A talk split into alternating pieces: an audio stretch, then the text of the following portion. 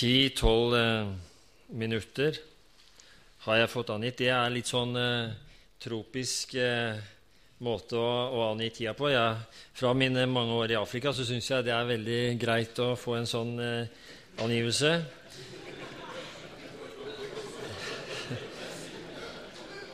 Temaet er altså visjoner og veivalg for morgendagens kirke. Og hvis det hadde vært sånn nå for oss at uh, dette temaet var, var, tenkt bare generelt, så tror jeg som, uh, at vi som er um, invitert til å, å, være med og ha innlegg her i dag Vi kunne garantert ha snakka en hel dag om våre visjoner og tanker om, om Kirken og framtida. Det er jeg ikke tvil om, og det kunne jeg gjort sjøl òg.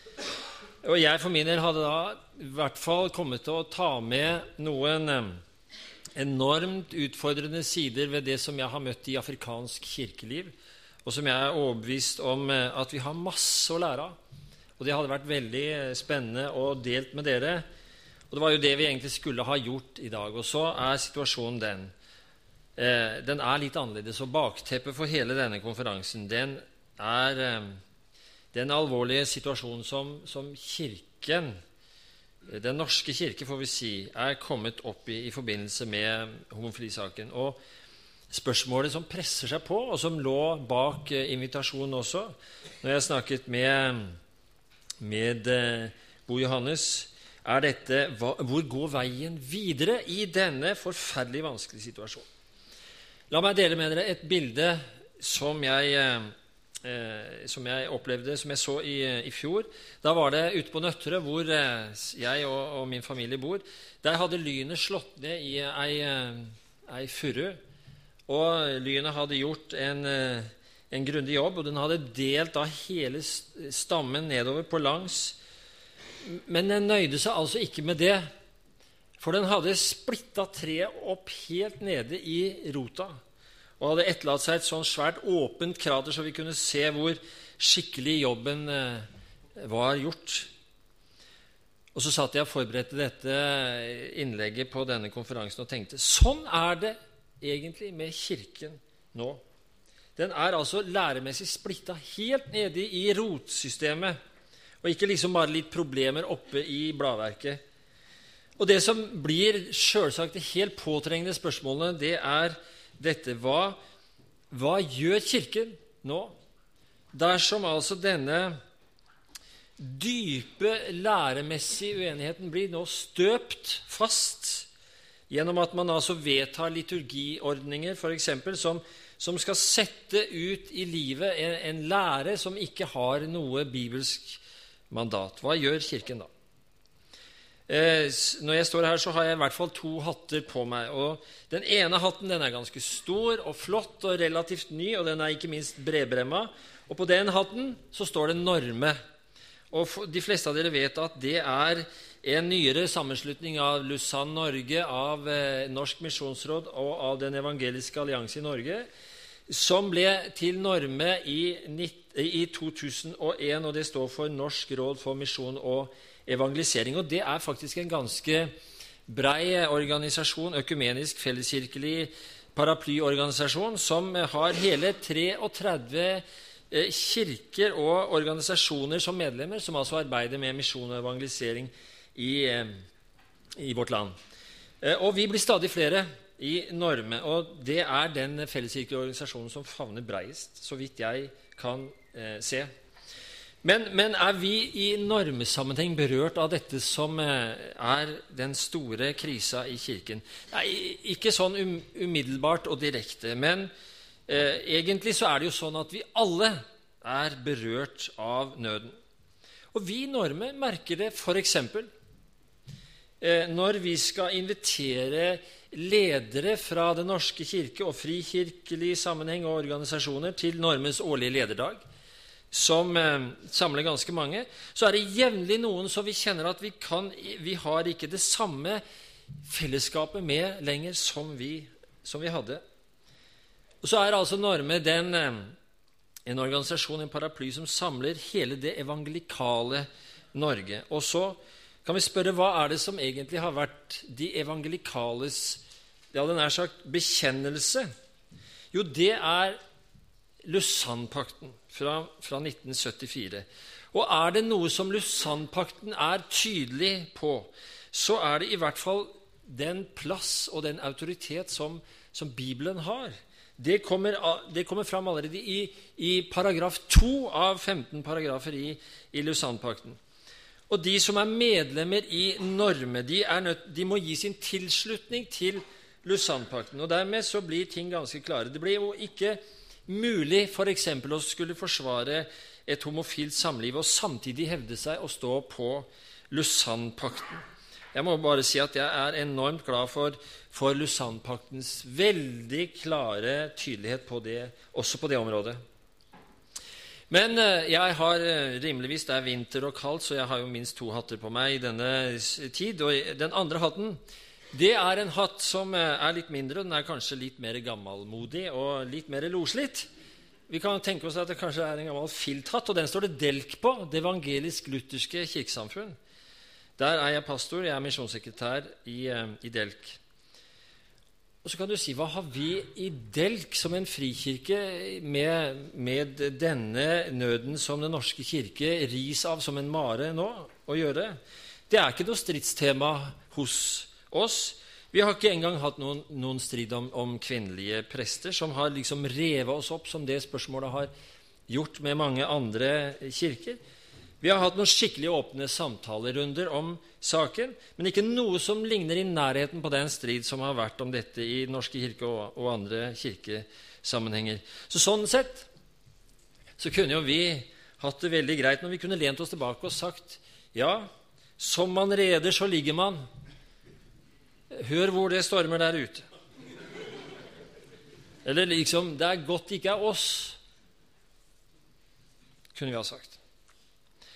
Men kjære forsamling, jeg må si det er ikke sånn vi har det. Jeg tror ikke dere mistenker oss for å ha det sånn heller. Vi opplever det rett og slett sånn at den nød som vi snakker om, det er vår felles nød i kirken. Enten vi er fri kirke, eller vi er ufri kirke, hadde jeg så nær sagt. Vi er, sant å si, alle del av Den norske kirke med liten d. Navnet med stor D er jo en tilsnikelse. La meg få si det. Nå har jo dere i, i eh, Store norske, som det heter, fått dere en liten nesestyver eh, etter at det er blitt etablert en ny kirke her i landet som kaller seg Den lutherske kirke i Norge. Da fikk dere nok litt å tenke på, men det kan jo kanskje bare være sunt. Det er en ting til med Delk. Vi har om det går an å si det sånn, mange års kompetanse på det å, å være brutt ut av Den norske kirke. For det er jo det som er spørsmålet for veldig mange nå. Går det fortsatt an å stå som medlem av en kirke som læremessig er splitta helt ned i rotsystemet? Går det an? Med sin kristne og teologiske kirkelige integritet i behold. Blir ikke det en himmelropende selvmotsigelse? Hvis det står eh, i en sånn kirke, så blir det jo på en måte et indirekte ja til det du ønsker å si nei til. Sånn er det veldig mange som tenker. Og så er det noen som sier dette går ikke lenger. Nå er det rett før vi melder oss ut og melder oss inn i Ja, hva da? Et eller annet. Det fins jo noen muligheter for de som ikke vil lage sitt eget kirkesamfunn. Mange syns vi har nok lutherske frikirker som det er. Selvstendige forsamlinger, som eh, Tor Erling snakket om, blir et spørsmål som blir veldig viktig. Jeg må bare helt enkelt si jeg forstår dem som tenker sånn at dersom splittelsen læremessig blir institusjonalisert, som sier dette kan jeg for min samvittighets skyld ikke være tilslutta lenger. Og så er det ikke alle som tror på det som, helt på det som blir sagt. Det var, Jeg møtte en forleden som freste. Dette har de trua med hele tida, i lang tid. De snakker og snakker, og så sier de nå er det slutt. Nå er det slutt. Men de gjør ingenting. De protesterer for all verden, men blir villig med på ferd. Så blir det bare tomme trusler. Det er jo veldig fristende å lene seg tilbake og si seg enig. Og det er lett når det ikke er din egen akutte problemstilling som du sjøl har i fanget. Samtidig må jeg si at jeg har også stor forståelse for den som kjenner at det å bryte med den kirke de har hørt til hele tiden, som opplever det som noe fryktelig vanskelig. Jeg snakket med en prest i, i uh, Den norske kirke forleden, og han sa jeg har det så vondt. Jeg er frista til å melde meg ut. Men hva da med, med min egen menighet? Hva med dem? Er det rett bare å stikke av fra dem? At de får greie seg som best de kan? Jeg får det bedre, men får Guds rike det bedre hvis jeg bare går? Er det en ansvarlig hyrdehandling å gjøre? Jeg kan for min samvittighets skyld ikke bare stikke av nå.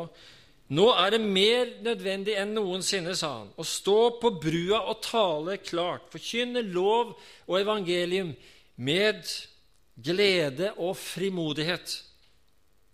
Og peke på veien midt mellom avgrunnene. Jeg respekterer de som ikke vil mer, sa han, men jeg blir så lenge jeg på noen måte kan forsvare det.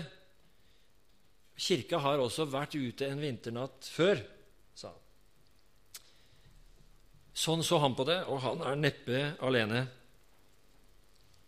Til slutt er det sånn at vi i Delk og i andre frikirker er klare til å ta imot en strøm Nå skal Terje, nei, ja, Terje Bjerkås snart svare på, på, dette her. Nå svarer jeg på det. Ta imot en strøm av utmeldte statskirkere. Hvis det da blir noe sånn strøm. Det er ikke alle som er helt sikre på det. Ja, Jeg får svare for vår del i det. Det er jo ikke akkurat noen sånn rosa drøm vi har som vi går og hegner om. Det er jo med handa på hjertet kanskje ikke sånn vi hadde ønsket å, å vokse. I fjor var det en i, i Misjonssambandet som sa eh, som et argument for at eh, NLM bør etablere sin egen lutherske frikirke eh, på sikt, kanskje noe av det som Tor Erling nettopp eh, snakket om. De andre frikirkene, eh, sa han det var for, kanskje deg, for alt jeg veit eh, De andre Eh, frikirken vil neppe være særlig begeistra over å få en sverm av frustrerte band sambanditter i fanget. Jeg må jo si at akkurat det høres ikke noe særlig lystelig ut for noen kirke.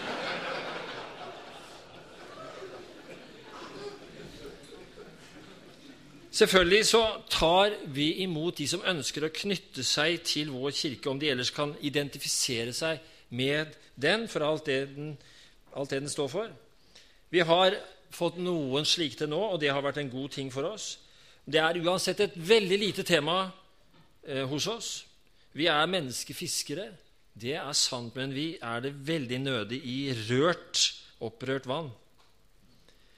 For jeg for min del er sikker på, eller vet bare to ting eh, sånn som situasjonen er nå. Jeg og vi kjenner virkelig den nøden som Kirken er i langt inn i ryggen. Det er så vondt og så tragisk, selv om vi da står litt på avstand fra det mest intense sentrum. Vi har ingen klare og vise og gode råd å gi, verken som delker eller som normemann, på hva som er en rett og god vei å gå. Her er det som menn, og det har vi jo virkelig til fulle fått eh, fornemme litt av i dag, så langt som vi er kommet, ikke bare ett svar på det spørsmålet. Men det andre jeg veit, det er dette det å møtes og det å snakke sammen på denne måten som vi gjør nå, enten det er sånn at vi har nøden helt oppe i fanget, eller vi har den fortsatt liksom litt ute på gata, det er mer nødvendig enn noensinne. Det er jeg overbevist om. For ikke å si virkelig å, å, be Herren av vårt fulle hjerte om å få være sannheten tro, og at vi kan være det i kjærlighet. Og jeg tror at det siste er neimen ikke mindre viktig enn det første. Takk.